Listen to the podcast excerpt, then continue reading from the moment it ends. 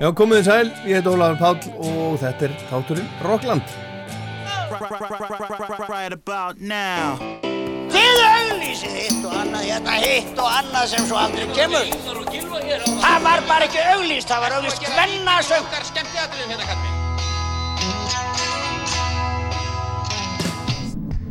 Hvað gerir kvöld? Kíkja á tónleikana? Ekki? Það er ekki beint fyrir mig að vera innan með einhverja brjála úlinga. Hvað minnur þau?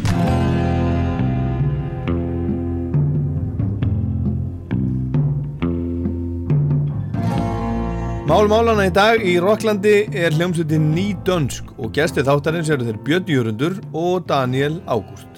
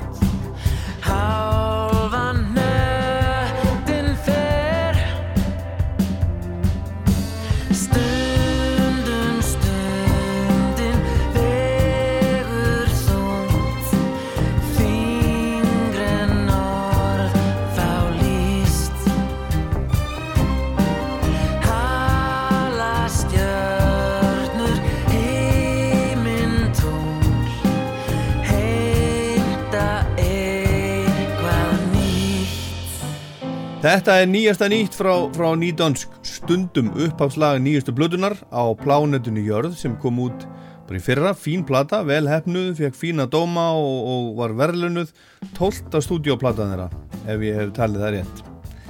En fymta plata sveitarnar, Himnasending, hún kom út árið 1992, það er hún sem er aðalmálið í Rocklandi í dag, en hljómsveitin ætlar að spila hana í heilsinni og sjöttu plötuna líka, Hugunang sem kom út 1993, næsta lögataskvöld 22. september í Eldborg í Hörpu. En þessir ungu menn sem gáfu út himnasendingu voru búin að vera ansið upplugir þarna árin á, á undan, hljómsveitin var eiginlega stopnuð í, í MH 1987 og þegar himnasending kom út þá var þetta einn allra vinsalasta hljómsveit landsins. Fyrsta platan kom út 1989, ekki er á allt kosið Regnbóaland heitir önnur platan, hún kom út árið eftir 90 og 91 Kissuber og Deluxe. Og á Deluxe sem var alveg svakalega vinsæl er til dæmis lagið Alelda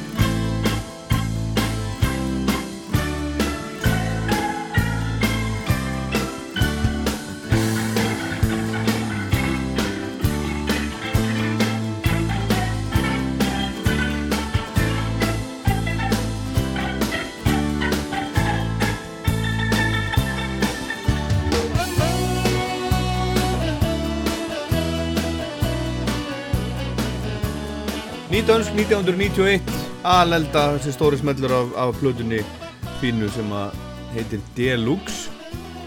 Og svo var það árið eftir. Það er mál málana hérna í, í Rocklandi í dag. Platan Himnasending sem að Nýdönsk ætlar að flytja í Eldborg í Hörpu núna næsta lögadag og þeir Björn Jörundur og Daniel Ágúst ætla að sita hérna með mér í Rocklandi í dag og við ætlum að hlusta saman á þessa plötu Verðið hjartalega velkomin strákar Gaman að sjá okkur Já, gaman að sjá þig og, og takk fyrir að bjóða okkur Já, takk fyrir að bjóða okkur í heimsókn. Hérna, uh, hvernig, hvernig líst ykkur á að, á að hlusta á, á hrimnasendingu í dag? Nú nú eru þið búin að vera, vera að æfa mm hvernig, hvernig finnst ykkur þessi plata öllum þessum áru síðan? Er þetta ekki, er þetta ekki, er ekki 25 ár liðin? Það, jú. Jú, þetta er Það er slatt af 1992 árum. það er já, slatt af árum. 92, það passar Þetta er ágætis plata, sko. Og, og, en það eru náttúrulega lög þarna sem að við höfum ekki spilað mikið Já, og kannski einhver svona ástæða fyrir því.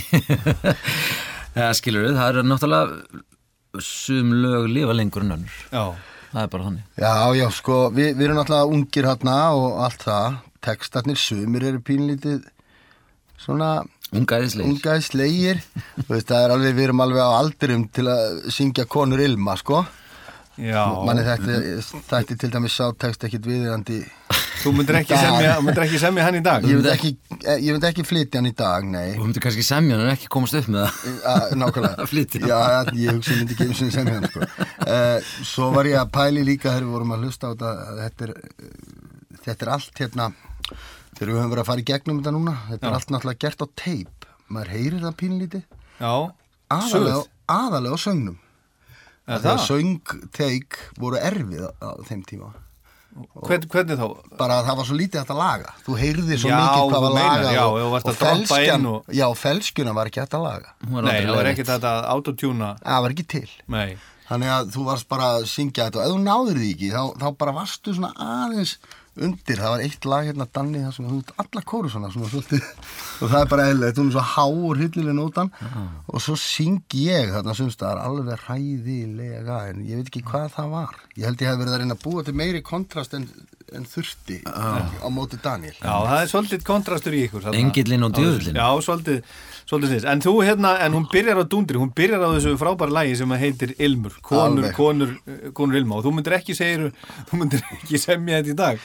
Nei, hann yrði, hann, ég myndi ekki kannski semja texta um það sama en hann yrði öðru vísi Já, en þetta er flottu text Já, já, já. Og þetta er, það er svona Hann líka 22 ára einst á strákur að Já, syngja já, sko. já, já, og það er mi mikil svona, þú veist, það er mikil erotik í þessu. já, já, mjög. Og kannski, sko, kannski er nýtdönsk erotískasta hljómsveit svo. Mikla svo Ef að þú ætlar að fara að hérna, skoða er- textana vel Það er nú í, já, já. þá eru sömur svoleiðis Það eru margir svoleiðis. Og, og, og ég menna og þetta er svona í öðrum stíl heldur en bara aðrar íslenskar hljómsveitir sem ég man ég man, ekki- ég man ekki eftir þetta er svona sérstætt sem hefur enginn ykkur, það er einhver svona Það er eitthvað svona, er eitthvað svona nettir naut, nautna belgir. Já, það má vera ný erotík Já. í okkur Já, já þetta er svo kvöldu nýjörutík Já. ég, ég kaupi það Herðu, skellum bara ilmunum á, þetta er frábært lag. Já, Takk.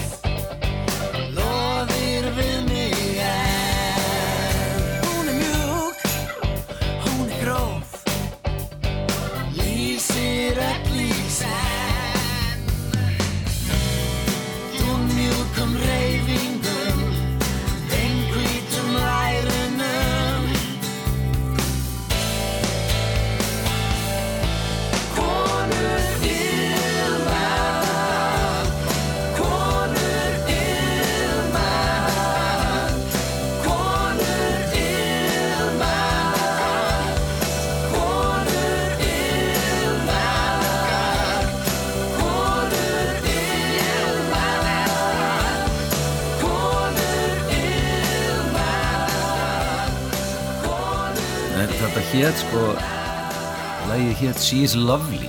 Ég var búinn að semja Já, lag sem en- hét She is Lovely. ensku og, text- svo- og svo einn text. daginn þegar við vorum að vinna í, í, hérna, í Jacobs þá var, þá var Bjössi bara allt í hennu komið með texta við lagið sem var, Já, sem var já.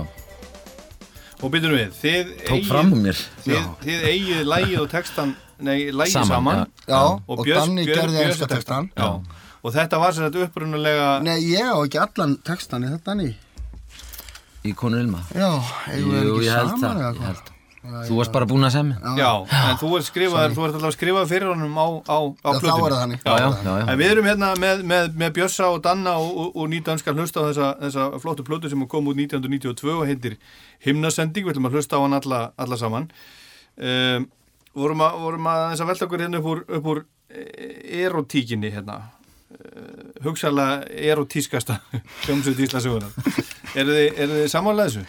Ég veit það ekki en, en, en það er stutt á, er fínt á milli hún er fín línan hann í mörgum textunum er Já, og einhvers text einhvern veginn svona að, og þetta er nú, tengið þetta nú meira við þig bjössi heldur en danna. Þú ert svolítið dansand á þessari, þessari línu. Já, ég held að það að því. bara svona ske, skemmtun sem maður hafið að því hérna á þessum tíma að reyna að gera þetta á þess að vera dónalegur og á þess að vera halló eða eitthvað þú veist reyna í og með að syngja kannski líka um um ástina en svona samskipti mannana og, og kvennana og með, allra. með smá svona kynlífs snúningi Já, ég, svona erotísku myndi. Er ekki Erotískum líf, eins konar Erotískum kynlíf? Jú, jú. Já. Herðu, en strókar, þessi, þessi plata hún er tekin upp í, upp í Englandi. Þetta er, þetta er, eh, er þetta ekki eina platan eitthvað sem, sem er tekin upp í Englandi? Jú, Og, og þarna voru þið búinir að vera að vinna bara hérna í Íslandi og ákveða að fara til Englands. Af hverju fóruð þið til Englands að gera þessar plötu? Við ætlum að meika það Var það í alvöru, alvöru pælingi? Já, já, tímabili en, en, en, en, en okkur langaði líka að breytum umhverfi og við Já. erum búin að gera nokkra plötur hérna heima og langaði bara að kynast í hvernig það væri að, að vera bara að fara bara í svona einangrunnar búðir og, og geta einbett okkur að því að, að, að, að semja og klára heila hljónplötu erlendis. Svona, mjög svona framandi og skemmtileg hugmynd. Á sama tíma þetta, þessar make-pælingar voru í gangi þá er verið að gera þessa plötu það er til við mörg uh, lagana enski textar og svona. Og við spiluðum á ymsum giggum hérna út í Englandi í Hist og Her. Uh, en við vildum fara í svona uh, residential studio það er að segja studio þar sem þú býrð á, ert á staðnum og ert bara þar. Já. og við vorum og, og auðvitað gó- mörg góð þannig og flott tæki og svona tilvíða í breldi og að því að við vorum að fara þangað í, í meikið að þá var náttúrulega farið í plötuna þar líka Já, þetta var á sama tíma. Ætluðu sem sagt að, að, að, reyna fyrir ykkur í útlöndum Já. sem er bara eðlilegt, ungir menn, hvað sem 21, 22 og. Jón og Stefán aðeins eldri. Já. Þið ætluðu að gera það og þess vegna ákveðu að fara og taka plötunu. í Englandi, já, En, en, en ég hugsa að við hefðum ákveðið að gera þetta á svipaðan hátt, við hefðum þá kannski farið til Danmerkur eða eitthvað. Já, já. en til Englands fórum við og vorum í sveit við gerð plötunar Mhm. og bara í svona eins og maður farið í sumabúðir Já, já. í sörri hér að í þið Sörrei sveit. Og, og það var alveg rosalega vel hefnað, hefnað pakki. Og það heyrist ákveðlega á plötunni, hún er mjög svona helstift og, og uh, mér finnst svona jákvæður jákvæður tótn yfir henni svona einbyttur tótt já, já. Og, og þetta sem sagt, þetta sem sagt virkaði vel að fara svona og vera bara uh, svona og geta útilokað allt annað og, og bara ein, ein, einbytt sér að þessu. já það, það var ekkit um neitt annað að hugsa eða Nei. neitt annað að gera nema kannski fá sér í glas svona á kvöldin og spjalla og... Já. En Já, þið, já. voru ekkit, þið voru ekkit í, í því á daginn á, Nei, voru, nei, þið, við þið voru að vinna? vorum bara í vinnunni. Vorum með svo harða hérna vinnu áætlun Já, svo stíft prógram. Já, þetta voru ekki, þetta er dýrt þetta er rosalega dýrt stúdíó sem við fórum í. Já, og við höfum náttúrulega takmarkaðan tíma til að klára þetta. Þannig að það var unnið samkvæmt gríðarlega þéttri skipulagningu alla daga. Lengi? og, og ekkert, það þýtti ekkert að vera slarka við það sko. nei, vorum við ekki viku eða eitthvað svo Nei, við vorum daga? aðeins tíu daga held ég, að gera þetta allt sko. taka þetta upp og mixa og allt það er ekkert, það er svona já, Er það rétt muna hjá mér að það hafi einhver, einhver komið með ykkur og, og, og gert svona litla heimildmyndum þetta? já, já Þorsteinn Jóð Vilhjámsson Það var Þorstein Jóð hinn eini sannim. og uh, Gunnar Átnason kom með og tók myndina Já, já. já, já, við vorum flottir á því Þannig að við þurfum ekkert að vera að tala neitt um, um þetta í dag, við bara finnum myndina. Þú getur séð það bara í sjónvarpinu Þessi mynd er ekki góð, við erum svo góði með okkur í. Er það? Já, viðtölin er svo agaleg og ég hef séð hana og ég bara... Það er engin auðmýkt. Ég kvaldist í að horfa á hana. Er það? Er, er, er, er, erfitt að, er erfitt að horfa á, á hérna unga bjösa? Stundum. Já. Erðu, já, já. En hérna, en hérna, uh, nafnið, hún heitir Himnasendingplatan. Já, sem er kannski, kannski ekki mikil hóvarð í því. Nei, en, hva, muniði hvernig þetta kom til? Okkur hún heitir himnasending? Já, sko, við vorum, við vorum í samkrulli við, við hann Guðmund Karl Friðjónsson, við nokkar. Já, frá höfni hótna fyrir það ekki? Jú, og hann var að gera hérna hann var að gera sko uh, fyrir okkur umslag við fengum alltaf að gera umslag og vídeo og svona. Já. og vídeo var gert við, við horfð til heimis og ég man ekki betur en að hann hafi verið að tala um að þessi planta væri bara himnasending og þetta væri bara allt saman einn stór himnasending. Það var náttúrulega eitt lag á plötinu, eða ekki? Jú, en hvort að við gerðum þann texta eftir það eða var það fyrir það? Við unnum textan í, sumu, eða, hérna, í bústæðanum út í. Já, Við gerðum ansi mikla vinnu þar. Áður en þið fóruð út á með kassagítaran. Ég held við um alveg sami lægið og, og textana áður en fórum út. En hvernig- Og svo, svo lagði Guðmundur Kalla til að Hún héti Ég höfði það í einu lægin. þá er það komið Sættumst á þessa minningu. Já, Já, já, er, já það, er, það er þetta með sko eftir, eftir hérna, Donald Trump þá er, þú veist, er til eitthvað sem heitir sannleikur, það er spurning sko líin er sveigjanlegri. Alternative Truth Já, já. Já, já. Herðu, við ætlum að heyra næst uh, lægið himnasending sem er eftir ykkur, ykkur tvo já. Já.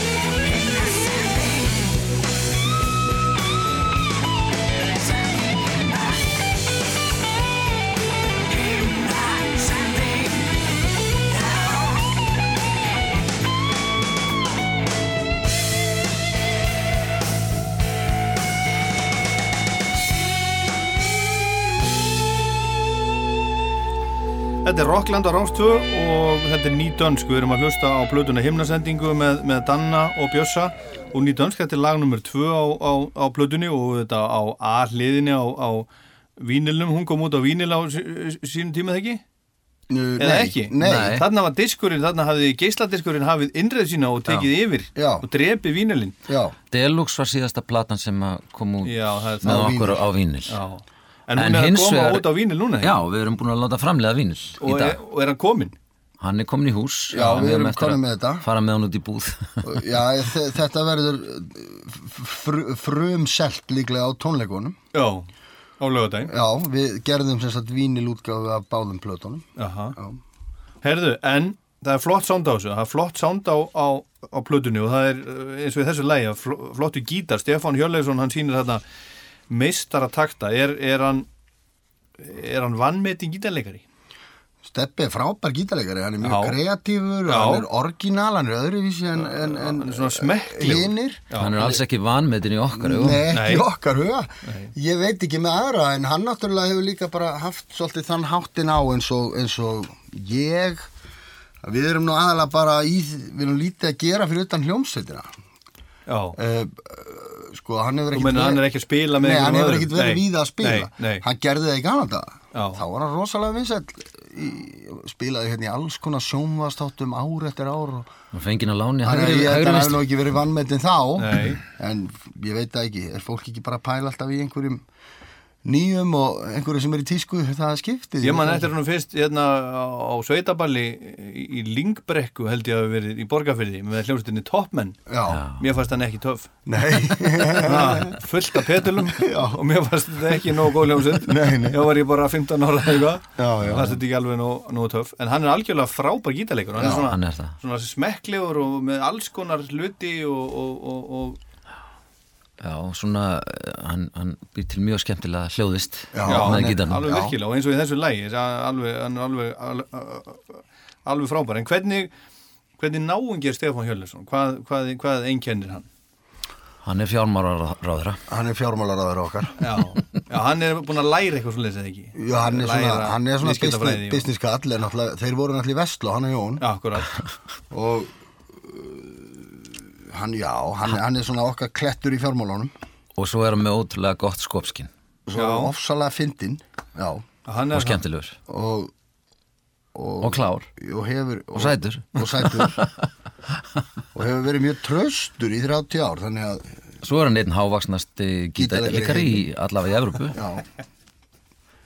Innan hús innan hús með Já. Þannig að þið eru bara ánaðið með, með Stefán? Hann er frábær. Ég held að niðurstaðan sé að sé svo að við, við erum bara nokkuð ánægð með Stefán. Mér getur ræðið það mér Nei. Heyrðu, en þetta er fyrsta platan ykkar sem að, sem að skífan gátt því að hafðu, hafðu verið þarna áður hjá, hjá Steinum, Steinari Berg og, og, og Kó. Hvers vegna yfirgáðuði Steinar og fóru til Jóns í skífunni? Sko við höfðum verið eh, við höfðum verið lengi að reyna að fá plötusamning í, á, á sinni tíð og herjuðum mikið á skífuna og þeir voru alltaf að lofa okkur einhverju og það gerðist aldrei neitt. Og enduðum hjá Steinari sem reyndist okkur frábælega og uh, unnum með þeim hvað, tvær, þrjár plötur. Og síðan uh, gerist það að svona eftir að við erum komnir aðeins á stað þá byrjaði skífan svona naga sig handabökin með að hafa ekki unni með okkur. Og Jón var svona eitthvað að bera víirnar í að við kæmum nú yfir til sín og svo þegar það er ákveðið að fara í þessu stóru dýru plötu til Englands og í þetta ofbóðslega dýra ferðalag Já, að þá var Jón til í að fara í þá framlýslu já, já Hann var til í að kosta það Já Og við punga út fyrir því. og Já, og Þurft þurft hann að sjá þetta í því? Nei, nei, eh, og til ég að fara með okkur í þetta ferðalega er svona meira, meira en bara að gera plötuna á tight budget sko. Já, og það tókst vel og var mjög gaman og, en, Hann, hann kom og heimsótt okkur já, í, já, í Jacob Studios. til okkar og já, já. fylgdist svona með þessu og var, var involveraður í þetta og, og Ég maður þegar spiluðum hérna, horfið til heimis fyrir hann hvað hann var glaður. Já, sem. Já. En nú er, nú er hann útgefandanum bara reykjelsi gull og meiri yfir sko. Þeir eru nú margir umdeldir þessir útgefendur. Já, og hérna, og ég svo Jón sé nú eh, sá eh, svona umdeldasti já, Já, maður heyri svona, hann hefur á sig svo, svona, svona mísjátt orð. Mhm. Hvernig uh, svona urðu ykkar, ykkar kynni svo? Ég man ekki betur en það hafi allt, allt hafi staði sem að til stóð. Já, já. Og aldrei neinar vöflur á því sko. Nei Þannig að en að, ná, en að ná því fram sem að tilstóð að gera gætt verið svolítið Já, snúið það er þetta að semja svolítið hart við hann Já, maður ég En- hef heilt það, þessi harður já, já. en, en standi við, sko. já en það, það stóð svo alltaf allt Hann og stendur við samst- alla samninga. og samstarfið var fínt Já. og, og samstarfið við, við Steinar og Pétur og Jónatan Garðar sem var þar þá þegar við vorum að byrja var frábært Já. við hefum kannski geta lenda á betri stað sem svona uh, upprennandi úlinga hljómsveit sko. Ég hugsa að það hefði verið betra fyrir okkur að byrja uh, hjá þeim heldur en skífunni sko. Já. því að þar var svona aðeins meira verið að passa saman sko. Já, já. Þetta er náttúrulega mikilvægir menn bara í sko, tónlistasögunni. Steina Berg, Jónatan Garðarsson, Jón Ólafsson, Já. allir þessi kallar. Þetta eru, þetta eru við, við eigum þe- Þetta eru þessum mönnum mikið að þakka. Þeir höfðu eirun.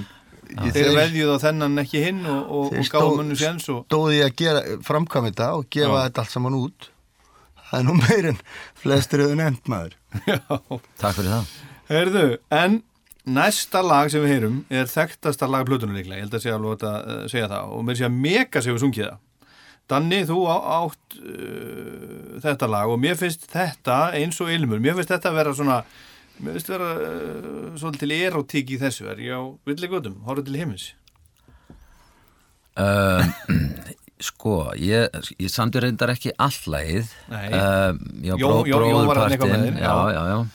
Og Jón samti þarna millikabla uh, Textin er valla, hann er tæplega erotískur hann er þetta er meira svona eins og Er ég bara sál- sál- sjúkur, er ég svona sjú, sálfræðistund. sjúkur, já. Já, nú var ég mjög spenntur. Þetta hefur aldrei kvartlað Það er náttúrulega komið í ljós að þú ert eitthvað Sko, sjúk já, sko, sömur, sömur, sömur og margir tónlistamenn segja að maður á ekkert að vera neitt að útskýra texta, það á bara hver og einn af upplifan svona. Já. Þegar ég var að svona hlusta og lesa textan, þá segja, já, já, það gæti nú verið eitthvað svona þarna, sko. En það er ekki, segir þú, þú varst ekki með það neitt slíkt í huga. Nei, ekki beinlínis Það verið svolítið mikið í þessu hérna í Sigurós, svona eftir á konsept, einhverjir hafa bent á eitthvað og segja, já, já, einmitt, já, einmitt. Já, það er náttúrulega mjög góð leið til að analýsa þetta Já. Sjá bara til hvað fólki les úr þessu og segja svo að þetta sé það já.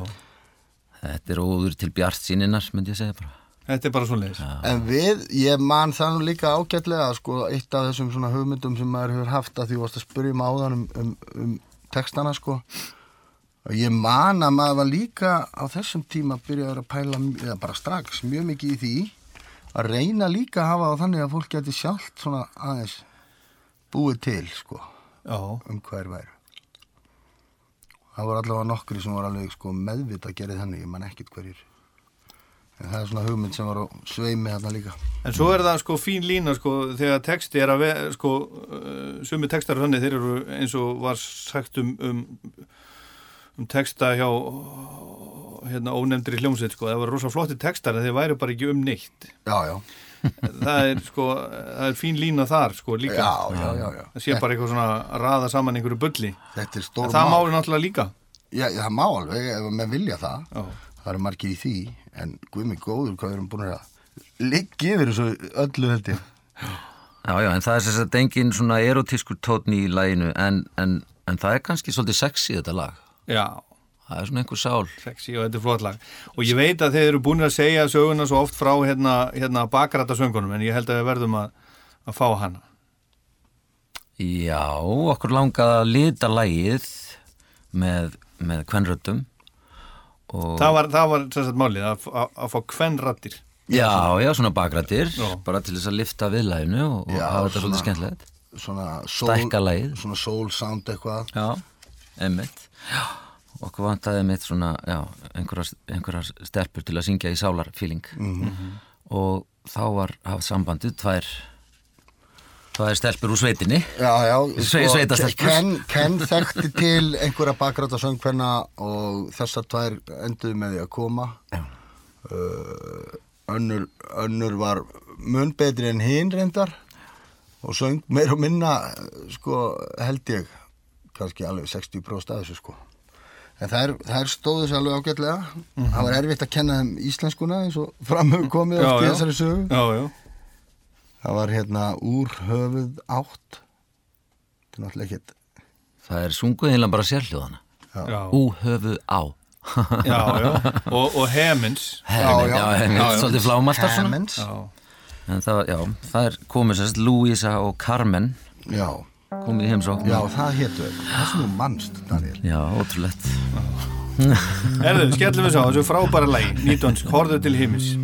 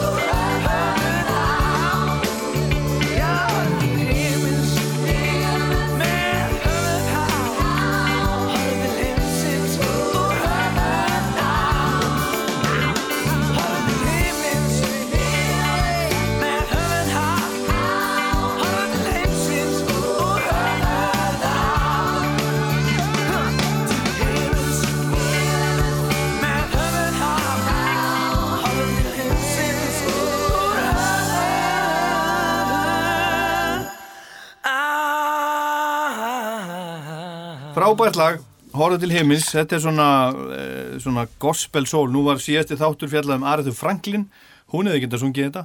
Þetta er svona eh, gospel soul eitthvað. Já, þetta er alveg þar. Hún hefði farið létt með eh, nóturnar alltaf, ég veit ekki með íslenskuna Já, já, hún hefði verið flott í bakgrættunum En voruð eitthvað En sko, já, þetta er svona Þú veist, þetta er svona gospel eh, stemning einhvern veginn í þessu og, og gospel er náttúrulega svona grunn element í rockinu og öllu því voruð þið eitthvað að hlusta á gospelmusík á þessu tíma? Hvernig endaði ég, þetta? ég, þetta svona man, ég, ég man að hérna hérna Gunnar Dr. Gunni í dómi að þetta væri commitmentslægið Já, á þessum tíma var eh, myndin Commitments Já. mjög vinsæl og fjallaði um, um, um hérna, hvíta krakka að búa til hérna, svarta tónlist. Írska sólsöngvara.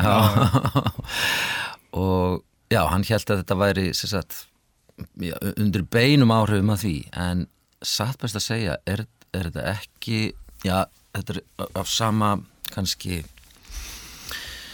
já, ég meina sko þetta er frá sama landi áhrifin Jaha. en áhrifin eru frá Primal Scream Já, er það? læginu Moving On Up Já, já, það var hérna skrýma delika Já, Þa, það var eitt svona sálalag á þeirri blötu frábær svona raftónlistaplata Já, já. eiginlega en það var eitt svona sálaríkt Já. lag sem að, sem að mér varst Hefur þú sagt frá þessu áður? Ósala skemmtilegt. Nei, ég fæ aldrei pláss til að tala. Nei, þú far aldrei að vera með Herðu, já, þetta er alveg og þetta er alveg frábært lag og þetta er hérna eh, bara eitt af, eitt af ykkar, ykkar eh, stærstu, stærstu lögum. Þú varst að, varst að tala á hann hérna um, um Ken og það er upptökustjórin Ken Thomas sem er, sem er bretti hvernig, uh, hvernig kom það til að hann, hann fór að vinna með okkur og gerði með okkur þessa plötu? Ég þegar að tilstóð að fara út og þá vildu við endilega finna einhvern, einhvern breyta hérna, uh, semst einhvern á svæðinu sem væri, væri tiltækur til að taka bandið og gefa okkur smá svona fest sound. Já, Og við þekktum engan en uh, Hilmar Örn Hilmarsson þekkti nú til þarna og, og hafði unni með Ken og hann og fleiri, einhverju í mólunum og aðrir, Þú veist að tala um Hilmar Örn Hilmarsson alls er eitthvað. alls er að góða. Já.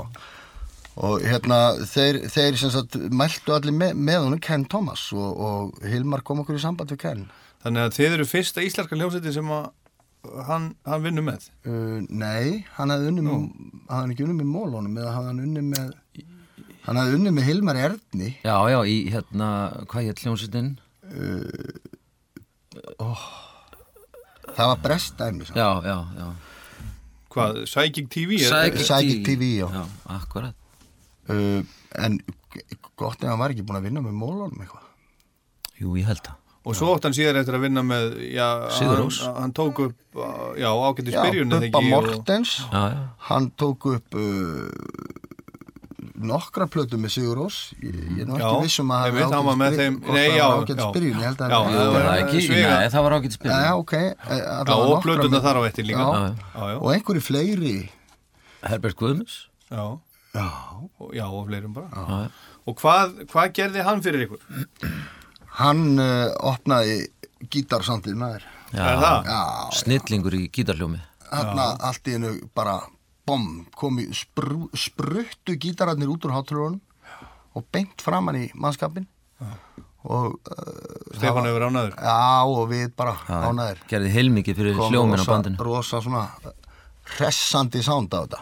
Já, Hann, hann hafði mjög líka uh, svona skemmtilegt attitút í upptökunum.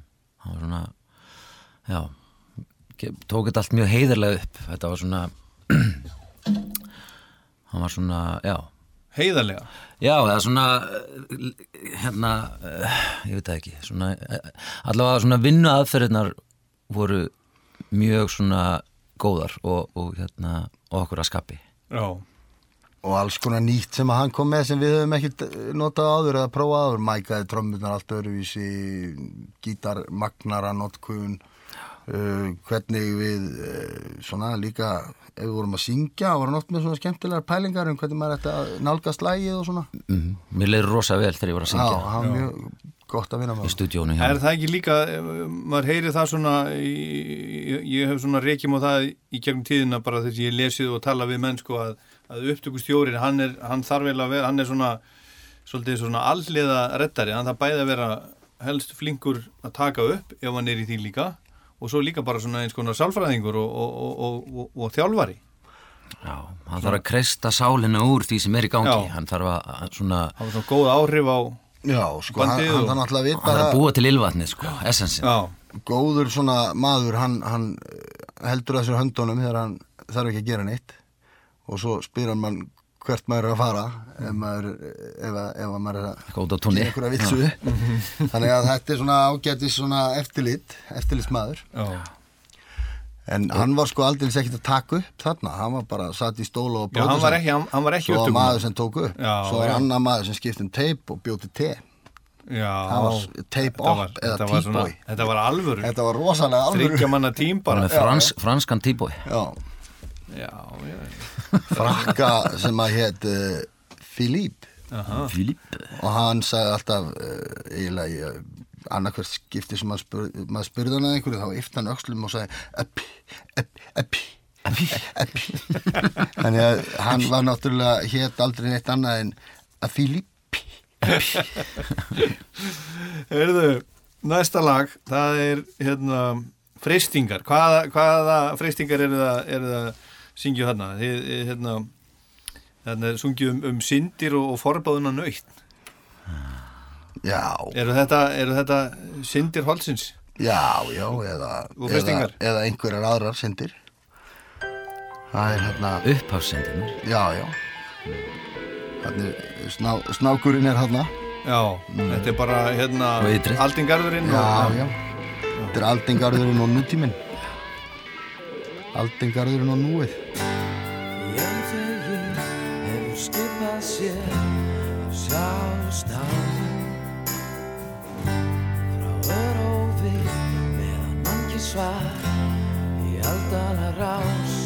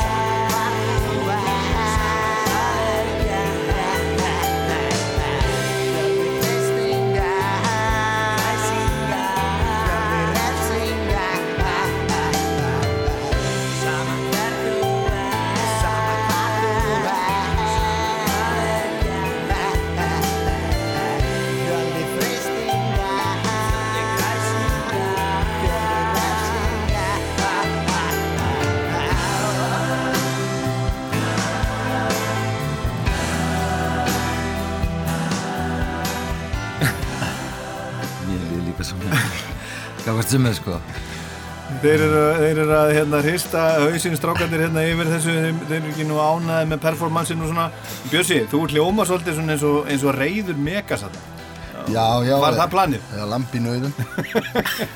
ég veit ekki, sko, eins og ég sagði... Er þetta óþægilegt? Nei, nei, eins og ég sagði áðan, sko, Já, það var, var einhvern veginn, einhver, einhver stemming um að íkja einhvern kontrast á mill okkar Daniels og mér finnst þetta eldast illa og mér finnst þessi rattbinding uh, bara tóm vittlesaðri hlusta á þetta og, og bara sé eftir að hafa sungið þetta svona í raunni sko, en það skiptir einhver máli maður Nei. þetta að vera í því Nei, nei, nei, og lagið er flott. þetta, já, já, já, og, flottur og og hérna, flott. svo bara læri maður að þessu og, Þú syngur öðruvís í dag já, já, stíllinn þróast þessi plati bara svona Já Hvað sér þú? 21, 22, eitthvað svona leis já, við erum 1992 já, já, Fyrsta platan einhver kom út 1989 og þá er þið bara eh, 17, 18 ára. Og, Já. og það eru lög eins og hjálpaði mér upp og, og fram á nótt. Þetta er alveg þetta er alveg drullu gott. Mm, hjá okkur svona ungu mönnum og, og ég svona, Bjössi var undrabart já, Já, já. ég meina, maður hugsar, ég, maður sér engan hérna, engan hérna, eh, engan 17, 18, engan 17, 18 ára í dag. eh, í þessu. Já, hva, hvað eru Jói P. og Króli gamlir? Re- jú, kannski, jú. Þeir eru svolítið svona- Eru, eru þeir Björn og Danni, hérna, nútímans? Sko, ég, ég, ég, ég, ég, ég veit að nú hljóma ég bara svo gamall maður sem að ég er náttúrulega hluta til er gömur sála allavega ég skil ekki alveg með þetta rap allt saman af hverju er ekki reynd að tala allavega íslensku fyrst þeir eru að hafa þetta á íslensku Já. ég skil það bara ekki Hvað, Þetta hvað, er- áttu við? það Er þetta ekki á ný íslensku? þetta er einhver sko Íslenska það er bara það er enga reglur og það er ekki einu svona rétt orð og það er ekki fallbækt rétt og tíðirnar er ekki rétt það er allt í rugli Já, já, það, það er þetta svona. er alltaf svona Jörundur. maður bara þegar maður er fættur 1970 Já, já, já, já. Sorry, Herðu, sorry en, kids á Rástvö. Rockland með Bjössa og Danna ný dönsku himnasending heldur áfram hérna rétt á eittir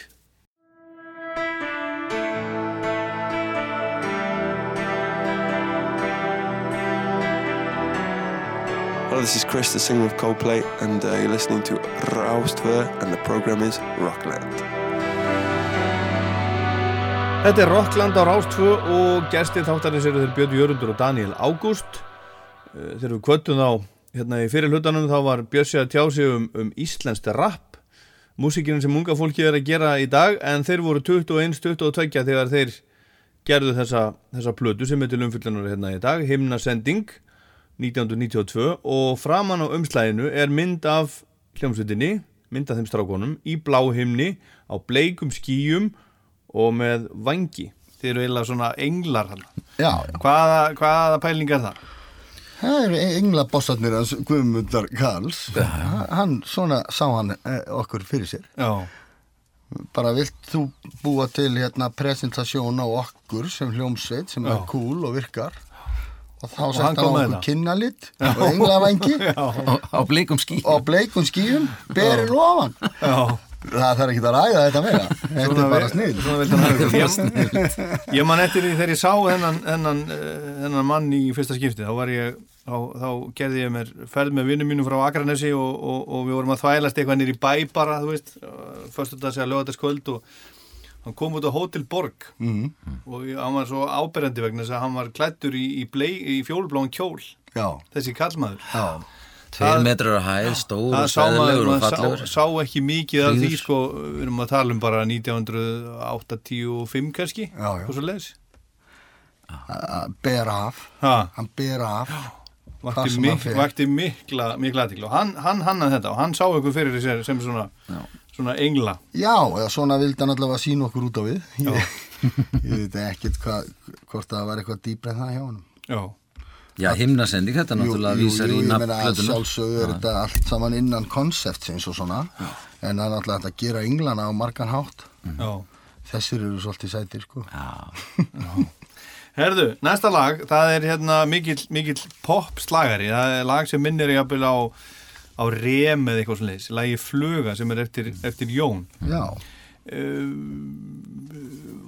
var eitthvað svona sérstætt sem að þið voruð að hlusta á? Þú varst að reyndar, að reyndar að tala um Primal Scream hérna á andanni mm -hmm. að horfa til himins var eitthvað svona sérstætt sem að þið voruð að hlusta á og voruð að pæli og svona vildu gera einsog þegar þið voruð að gera þessa blötu Ætli, Jón hafi ekki verið að rýma við hljómsveitir eins og hvað, Pixies og, eitthvað svoleiðis sko það er náttúrulega mjög sterk svona ákveðin músiktrend alda hérna upp úr 90 það eru hérna Alternative Nation já, já, Við erum alveg að hlusta á annan stöf þarna. já, við erum að hlusta á einhver svona powerful indie band í Breitlandi og, Mhm. og eitthvað svona og erum að greinilega að fara svolítið lengra í þá áttina með þessari plötu Já. sko Hvaða bönd er þetta? Ég, mér, eru líka bara svona eins og Teenage Fan Club já, já, alveg þar og hérna ah, það er alveg stólið um mér eitt, eitt. Svona Power Pop? Já, já.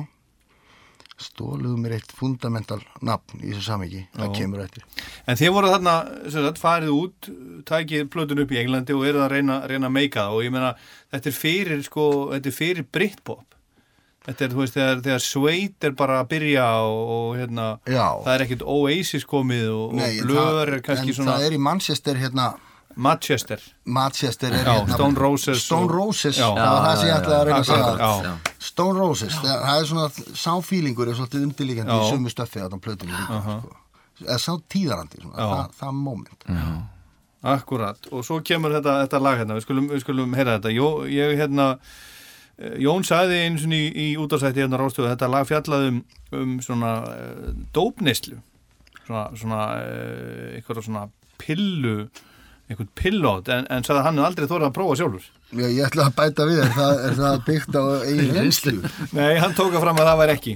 Hann sagðist aldrei hafa lagt í, í, í það. Mm. En ég man að hann, hann samt þetta lag á gítar, þetta er svona einfaldur strömmari. Hann samt hann á gítar manni, ekki píano Já, hann kann á gítar líka. Já, hann getur svona strömma hljóma Já, ef við skella það svo Já, Fluga. Já. Látum hann að flöra.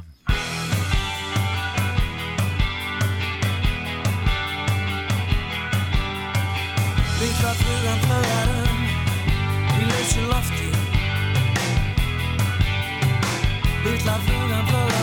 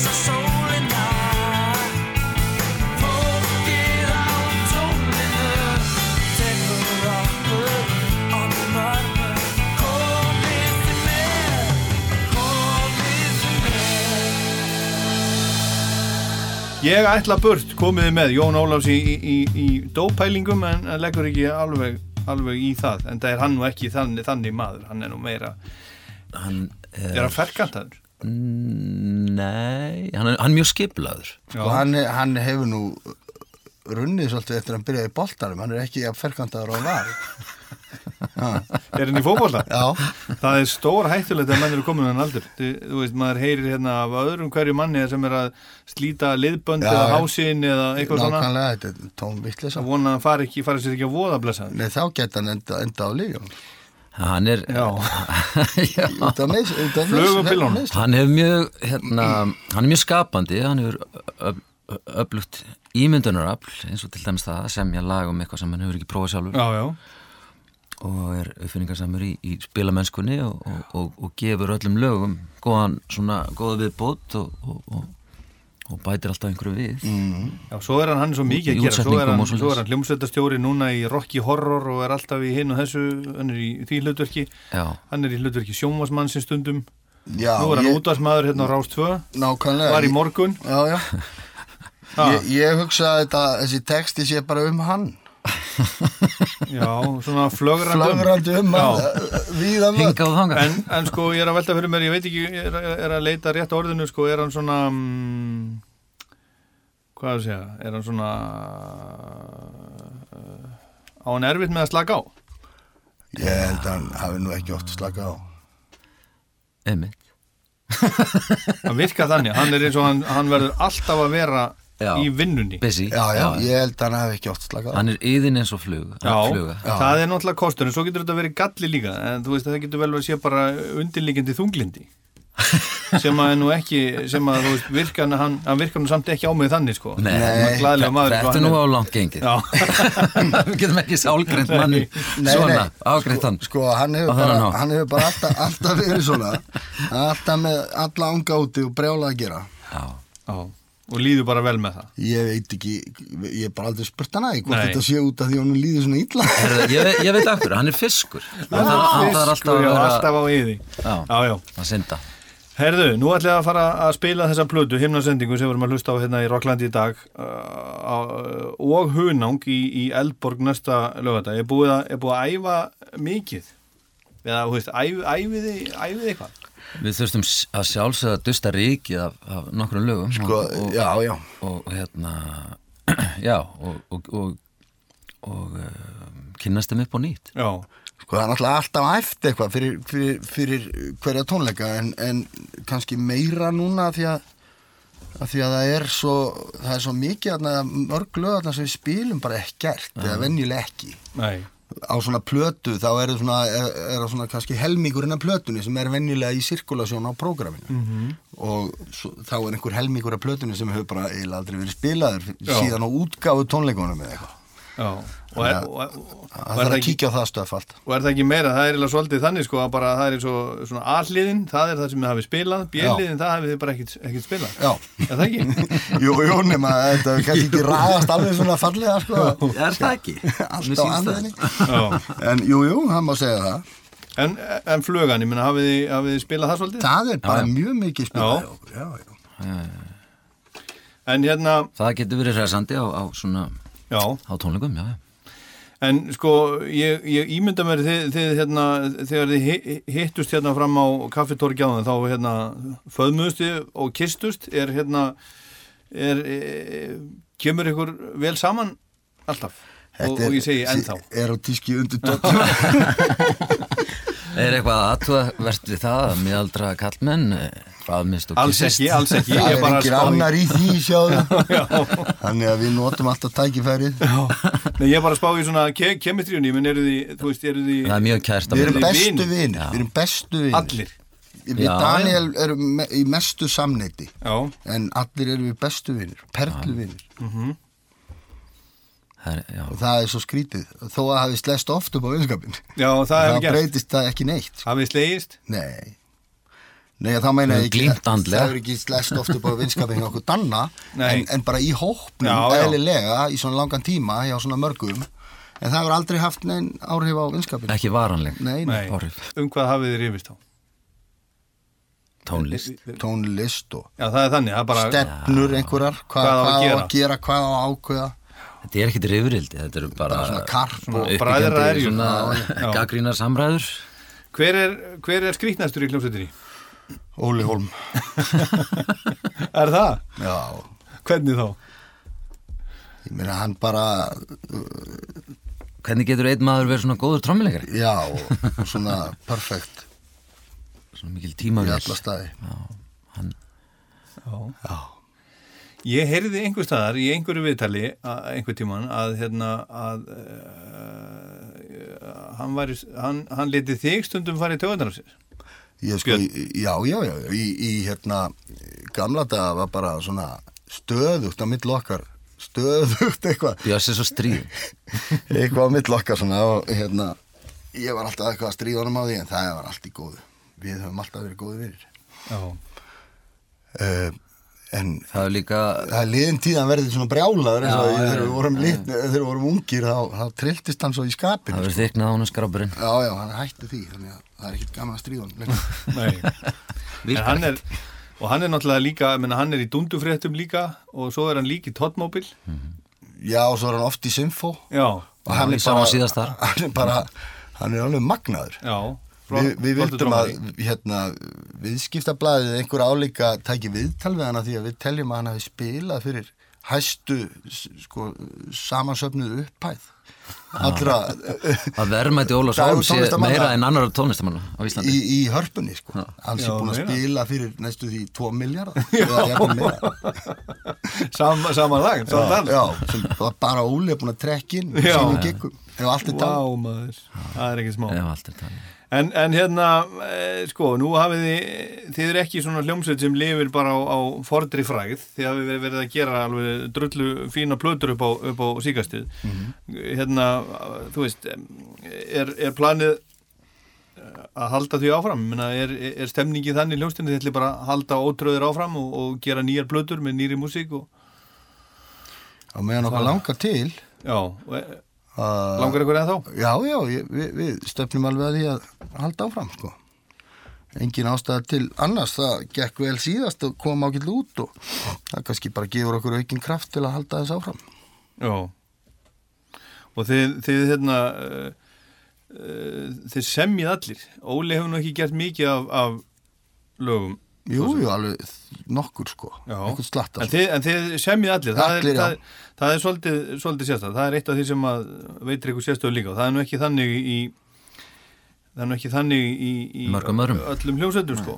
en, en, en svona þegar kemur að það hefur nú, nú eðilagt margar hljómsveitir svona ágreiningur þegar allir vilja koma sínum lögum á blödunar, er, er einhver svoleiðis núningur hjá nýdönsk?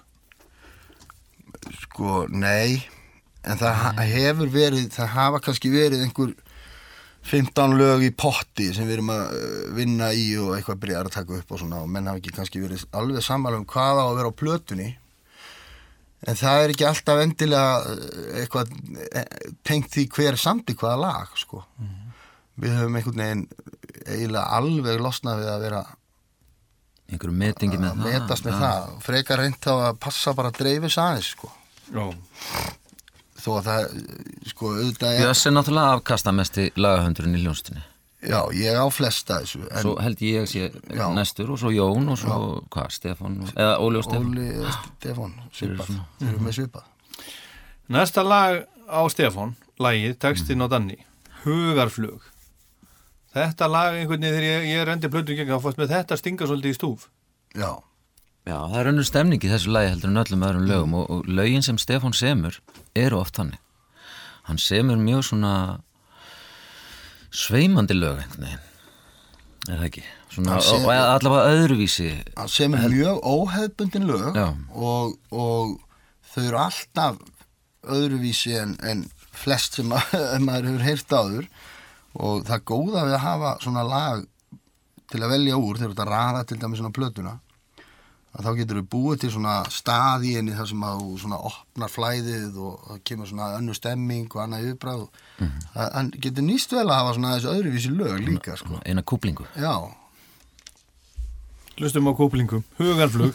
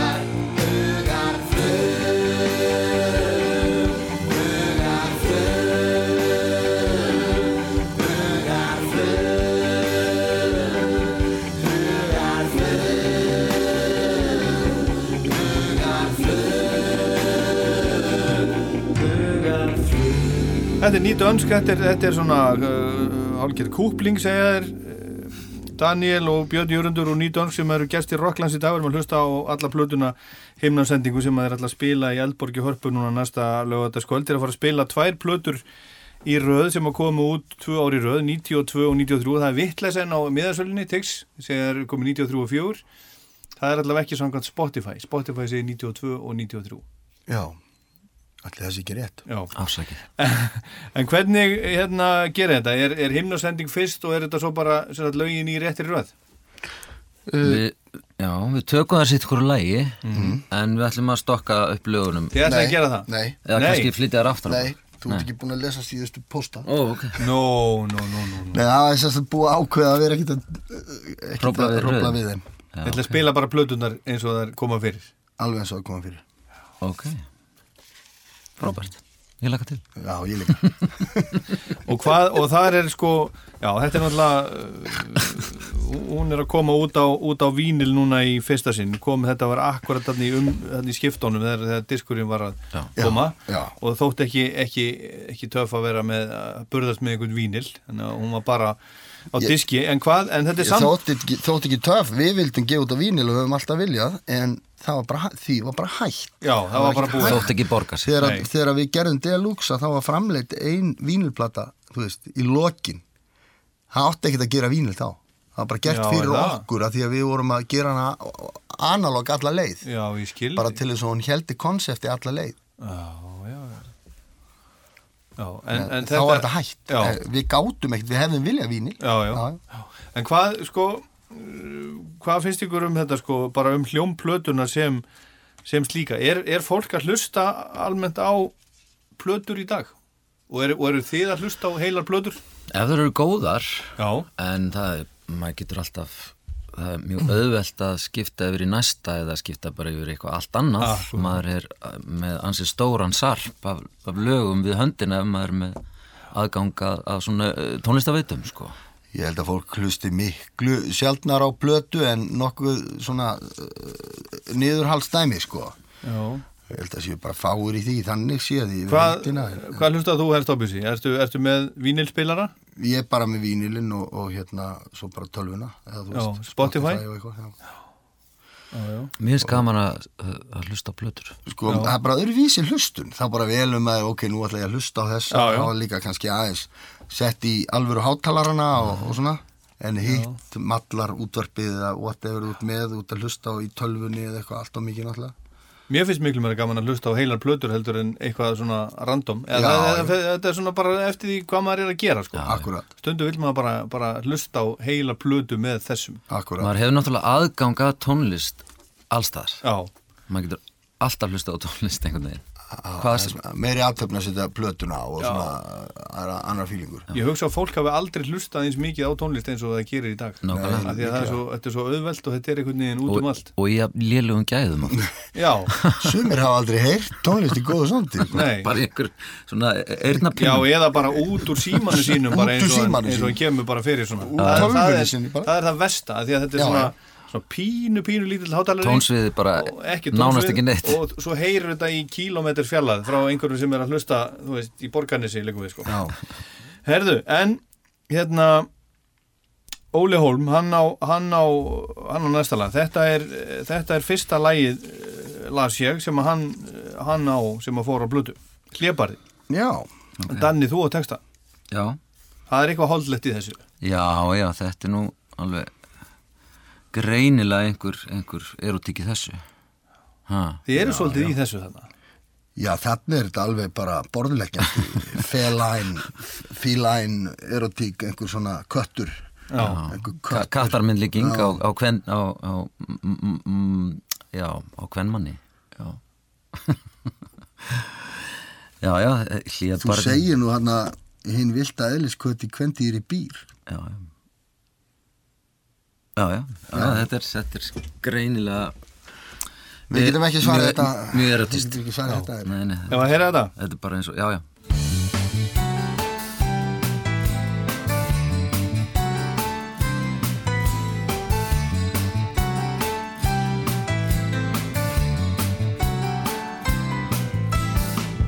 Læsir klúnum líkt og hlébarði Lægist inn og út í húsgarði Tyllir dánum loðið lafandi skott Tegir úr sér gengur hljóðlega brott.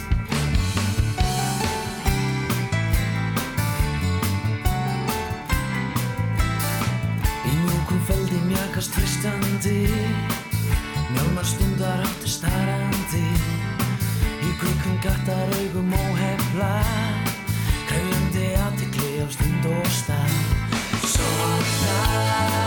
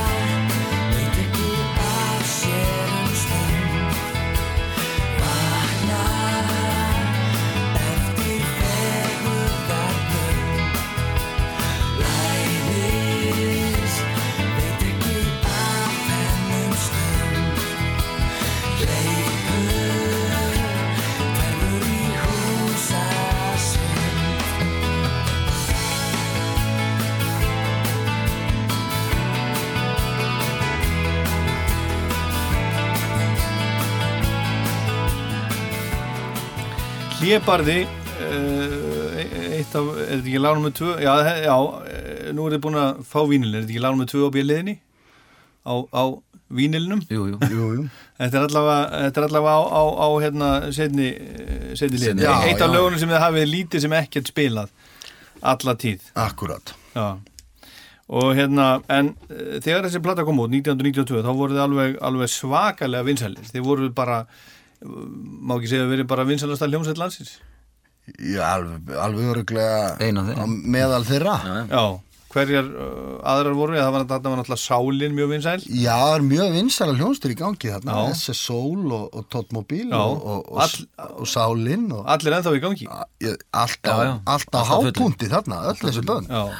Og, og stuðmenn öruglega líka og, Og hugsið ykkur uh, hvað þetta er... og Bubbi eflust ekki langt undan. nei, nei, hugsið ykkur samt sko hvað þetta er sérstatt skeið, hugsið ykkur sko þannig 1992 skilur og, og menna þetta eru 25 ár, það eru þrjá, það eru allavega 30 ára gamlar þessar hljómsveitir, Mhm. hugsið ykkur bara ef við tökum þann tíma og förum svo tilbaka Mhm. ef það hefur verið hellingur af hljómsveitum sem voru ofsalega vinsalega ennþá að fylla sali sem voru sko stofnað 1960 Já, á, á þessum tíma, já, Það vá. var skemmtilegt. Það var, hugsið ykkur Já. 1960 sko, þú sko, þegar við vorum ung, unglingar, eða ungir og á þessum tíma, þá voru nú ennþá hérna rock, hérna Lúto og Stefán og eitthvað svona voru til. Já, en þeir voru ekki að spila Nei, fyrir, nei, sko, manni hefði fundist ekki lögatarsvöldinni Nei, manni hefði fundist það eh, skrítið ef að þeir væru Já, að gefa út sem sagt plötur já, og, já, bara mjög vinsælir og, Manni og, fylla, út, fylla sko lögatarsvöldina á, á tónleikum og eitthvað svoleiðis sko. En kannski hefði manni þótt að skrítið bara því að þeir voru náttúrulega að spila ákveðin stíl af tónlist. Þetta er ekki alveg svona svart og hvít í dag eins og þetta var þá náttúrulega Hefur líftímið hljómsveita lengst? Já, já, Ég hann hefur lengst út í hér óendanlega sko. ég meina Paul McCartney er búin að gefa út fína plötu, 76 ára. Já, já, Flott, já. Þú veist, uh, Rolling Stones er ennþá að spila, ég meina. Já. En kannski, en kannski sko vegna þess að, að hljó- líftími hljómsveita hefur lengst svona mikið þessum er allir krakkarnir að hlusta rap. Það gæti verið. Sjáum ekki ástæðu til að bæta við nýjum Nei, lögum. þetta er bara, uh, þú veist, uh, þetta er bara, Ég bara þú hlustar ekki á það sama og mamma og eðlilegur svona eðli mótþró, eðlilegur. Nefnum þú sést fyrirmyndar krakki. Já, já, nefnum sér fyrirmynda. Já, Herðu, hérna, það var mikið, mikið spila, þið spil, spil, spiluðu mikið þarna á, á þessum tíma og hafið örgulega fengið vel borga fyrir það og ég las líka að þið hafið lagt í sjóð 10-20% af innkominni hafið farið í, í sjóð og svo hafið þið keift menningar. já Ég man nú ekki eftir því Ha, Það gæti nú hafa verið Getur þið ringt í vinn? Já, nákvæmlega Getur þið ringt í er þetta Jörgensen ekki, er þetta ekki hérna Fjármálaráðan verður að svara þessu. Sko. séð- Ég man að það var uh, lagt í sjóð sem var notaður í, í þetta ævintýri allt út í Englandi Já. En því var öllu eitt í það, sko. það var, Já, var, það var sapnað í það sko.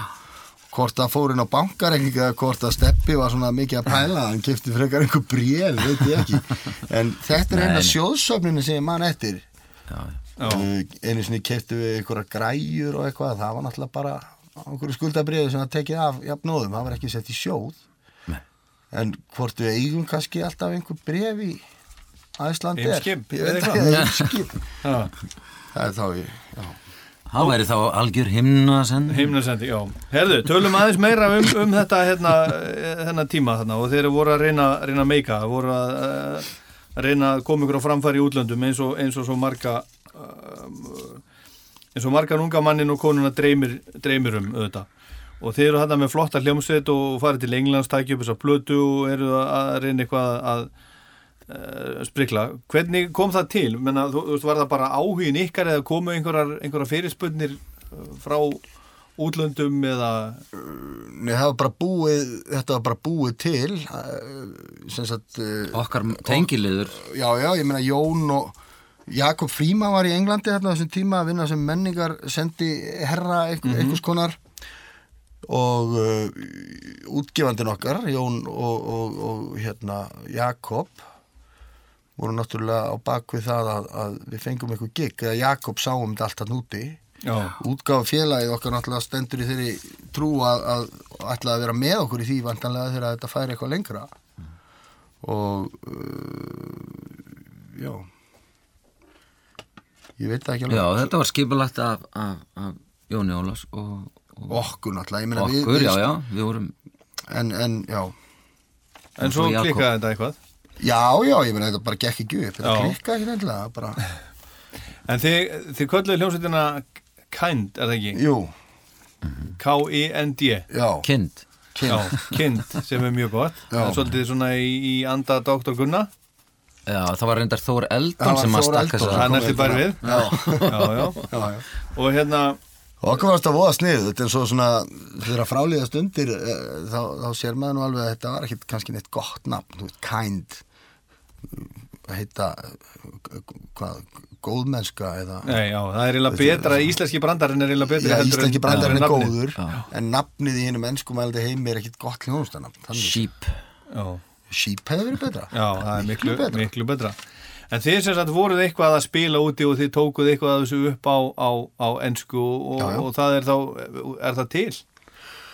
Uh, sko, plata var aldrei tekin upp á ennsku, Nei, uh, hún er bara tekin upp á íslensku, en það eru til textar á ennsku við uh, nokkur lög þarna, maður ekki alveg hvað mörg, sex- sex, Himnasendingu sjö lög og eitthvað. til himins og, Já, við vorum með eitthvað 6-7-8 laga prógram að og, og Ilm. En, en það er ekki upptökur til? Og upptökurna voru bara gerðar á íslensku. Ég Já. man ekki til þess að við höfum gert þær á ennsku Hvað með John Jones? Já, það er síðan gert setna Hvað er það? Já, þá gerðum við fjórar einhverjar upptökur á ennsku, sko. Horfðu til hímis og gert Í samstarfið upptökustjóra uh, Duran Duran á þeim tíma. Já, og Tínu Törnir það er ekkert öðruvísi. Þá gerðum við lagi Kirsuber á ennsku og var það þá sem við gerðum Horfðu til hímis á ennsku og Eva og Erna syngja bakrætt þetta á ennsku Já, já, Já, já, Þetta hafi verið þá. En það, þetta er ekkit til útgefið nema bara á saplutinni einhverjum kassanum hana, allt. já. Þar er eitthvað ennsku. En, en voru þið eh, í þessu alveg af, af heilum hug? Já.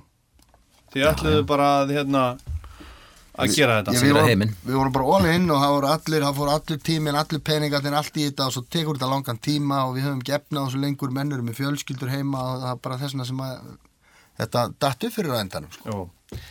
Herðu, næsta lag, það er eftir ykkur tvo og, og, og þannig bara að vera að syngja um, um eldingu. Það er ekkert, það Já. er bara re- reynd og beint. Já, bara kraftinn, kjarnakraftin. Að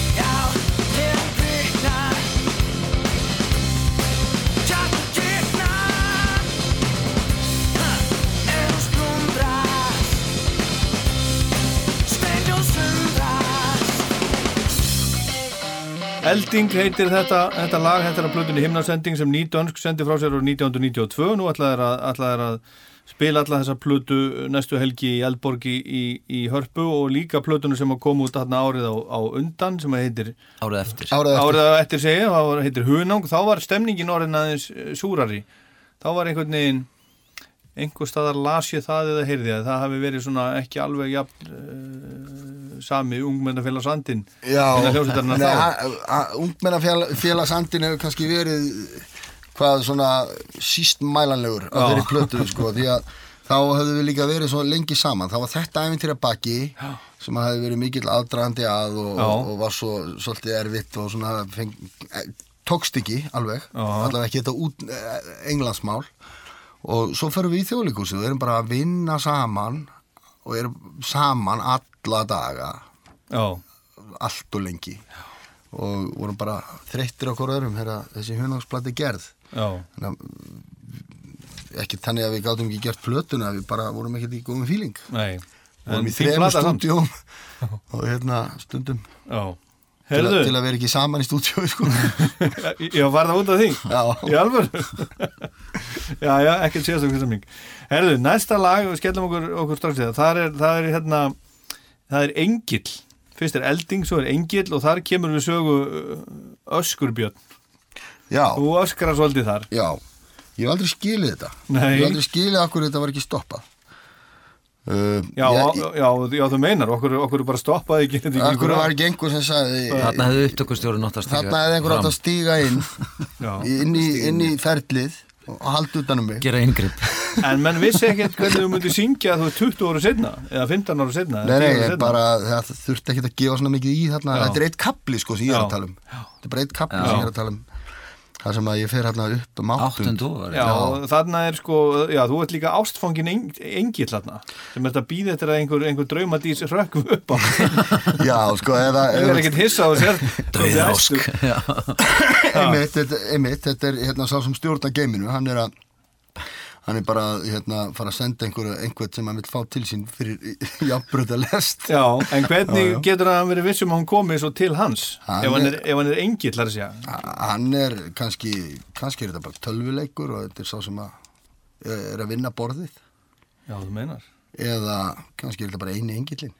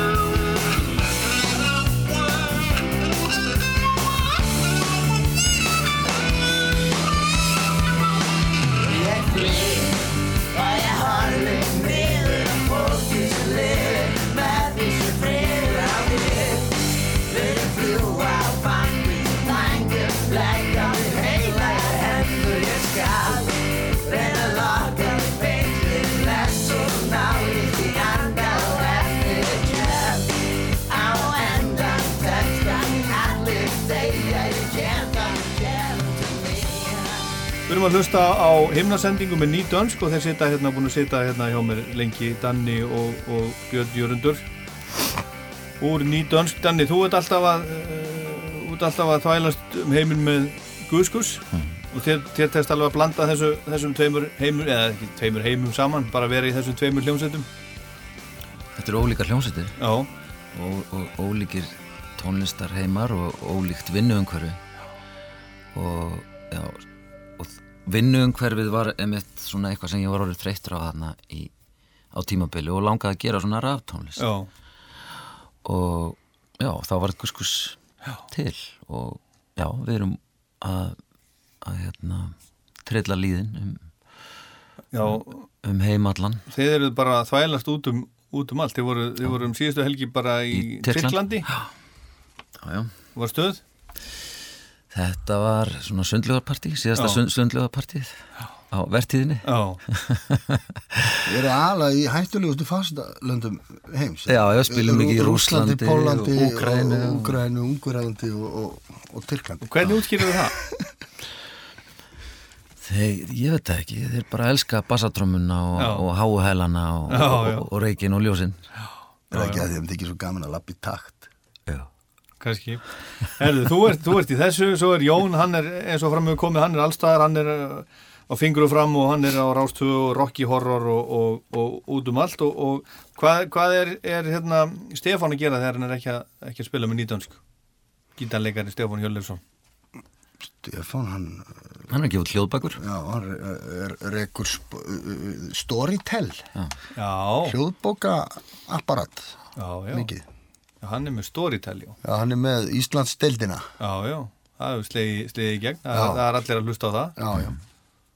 þeir sem eru ekki að hlusta á rástu, þar að segja. Já, og, og, og hérna Óli hann er með, hann er með hinnum og þessum alltaf að spila fyrir, fyrir miljardana í Eldborg en Björsi, hvað hva er þú er þú að, þú að bralla eitthvað annað heldur en, heldur en að vera söngvarinn í nýdönsk Já, já, ég er bara svona sinna daglegu lífi. já, Já. Það er tónleikadagur á, á, á lögadaginn hérna, er, er eitthvað sérstatt sem að þið gerir á tónleikadag, er eitthvað svona, svona ritual sem að þið farið í gegnum eða, eða hittist þið bara, mætið þið bara í hús kortir í fyrir gig og Nei, nei, nei, nei, nei. Það, það er náttúrulega farið upp á svið og klárað að hljóðpröfa og, og renna í eitthvað smá af þessu og hitta sig upp svona þannig og svo er bara hug, hugleðsla og, og matur hjá, hjá okkur saman svona. Já, já það er þannig Já, bara já. spjall, ekki, ég meina ekki hugleðsla, heldur Já, bara já. svona að setjast niður í róleitunum og borða saman og spjalla já, og, þið gerir það, þið borðið saman já, það er svona að getið samstillingar aðferð já. Og erum mættir hérna svona svolítið vel snemma. Já. Herðu strákar, það er bara eitt lag eftir og það er svolítið svona, svona stál og hnífur og stríðsádela. Já, Já, þetta, er- þetta er mjög pólitískt lag Þetta er um mjög stríðs Og þetta eigið þið saman, Jón og. Daniel, já, nei, Jón á lagið á lagið og Daniel, Björn og Jón textan. já. Var þetta ekki fyrsta svona lagið okkar í þrískiptum takti? Jú, ekki eina samt kannski alveg en Fyrsta? Já, allavega fyrsta. Þrý skiptum taktið, hvað eigið þið við, við það? Þrýr Svona eins og vals? Já, þetta er, já, já, þið meinar, þrýr fjórðu, Já, vals. þrír fjórðu, já. Og, og, og þannig er einmitt að því að þið voruð að tala um, um að Ken Thomas hefði verið svona, eh, svona komið með alls konar gítarsánd, þannig er til dæmis flott kassa gítarsánd. Já, já. Já, já, hann, Sko, þarna er, ég man að hafa sett, þetta, er- þetta er strömmað á, á rafmaksgítar. Nú, þetta er ramaskítar. Nei, og svo er ha, hafður þarna með til uppfyllingar kassagítar. Já. Ég man ekki hvort hann var líka settur aðeins gegnum magnara, þetta, þetta, þetta grottalega sound er að strömma bara eins og þú sért með kassagítar á já, Með svona hæfilegri magnara bjögum. Aha. Og þá losnum við við að þetta verði svona of sweet, Já. of sætt og, og fallegt því að þetta er um hræðilega styrjöld og geð og, og hérna, eða styrjaldir og geð og blóðbað og döða og þetta þarf að vera svona pínlítið meira krefjandi og, og kantaðra en, en fallegt gítarplokk. Þannig að ég man það vel að þegar við vorum að gera þetta, þessa gítarpælingu. Herri, nú erum við uh, bara, við endum á, á þessu lagi sem heitir styr, en, en hvað svona, hvernig hefur ykkur fundist að hlusta hérna á plötuna eftir, eftir alla þennan tíma? Er það ánægð með hana? Já, Já, já. Þetta er fín plata. já, ég er mjög ánægð með hana en bara eins og öllum öllum hinum gömlu plötunum að þá svona er það er alltaf, mér mér finnst alltaf erfitt að hlusta sjálfa sig syngja svona á og til svona gamlar upptökur. En það trubla mig ekkert svona. Nei, nei. En platan er skemmtileg. Platan er skemmtileg, við erum sammálu um það. Himnasending með Nýdönsk 1992 verður flutt í heilsinni í Eldborg næsta lögadag Ég þakka ykkur fyrir komuna í Rocklandstrákar við að hlusta, gefa ykkur tíma til þess að sitja hérna og hlusta á þetta með okkur hlustendum og svo óska ég ykkur góðra skemmtunar á lögadaginn Þakka að kenna fyrir Takk kærlega, þetta var skemmtilegt. Takk Og þá er þetta bara búið. Þetta var Rockland, ég minni á Rockland podcast á iTunes eða hvar sem að þið náið ykkur í, í podcast og nýja Rockland mælir með lagalistan á Spotify líka. Ég heit Ólaður Páll. Takk fyrir að hlusta. Strá. Titra í andvara örvænting. Í andlit mannina Eftir styr, einhver spyr Er vannana. Skámöld skellur á svipstundu horfin er hámenning Í flóðbylgju syndana Á þess stíl hverfa líf til himnanna Eftir styr, einhver spyr, ekkert svar Rústirnar sjá aðeins raut skinja Rústur í spila borgar hrinja Borgin sem blæðandi höfuðlaus her. Þjóðin með mikinn mátt Heia, styrjöld með höfuðhátt Deyja, logandi jörð Vannmáttu kjörð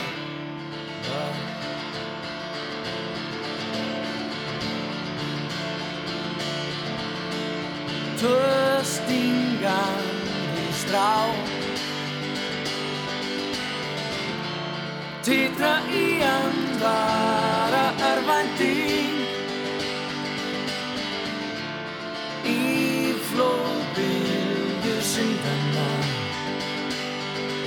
Eftir styr, einhver spyr Hver vannana Eftir styr, einhver spyr Ekkert svar. Rústirnar sjá aðeins raut skinja Rústur í spila borgar hrinja Borgin sem blæðandi höfuðlaus her. Þjóðir með mikinn mátt Heia, styrjöld með höfuðhátt Deyja, logandi vanmáttu hjörn börn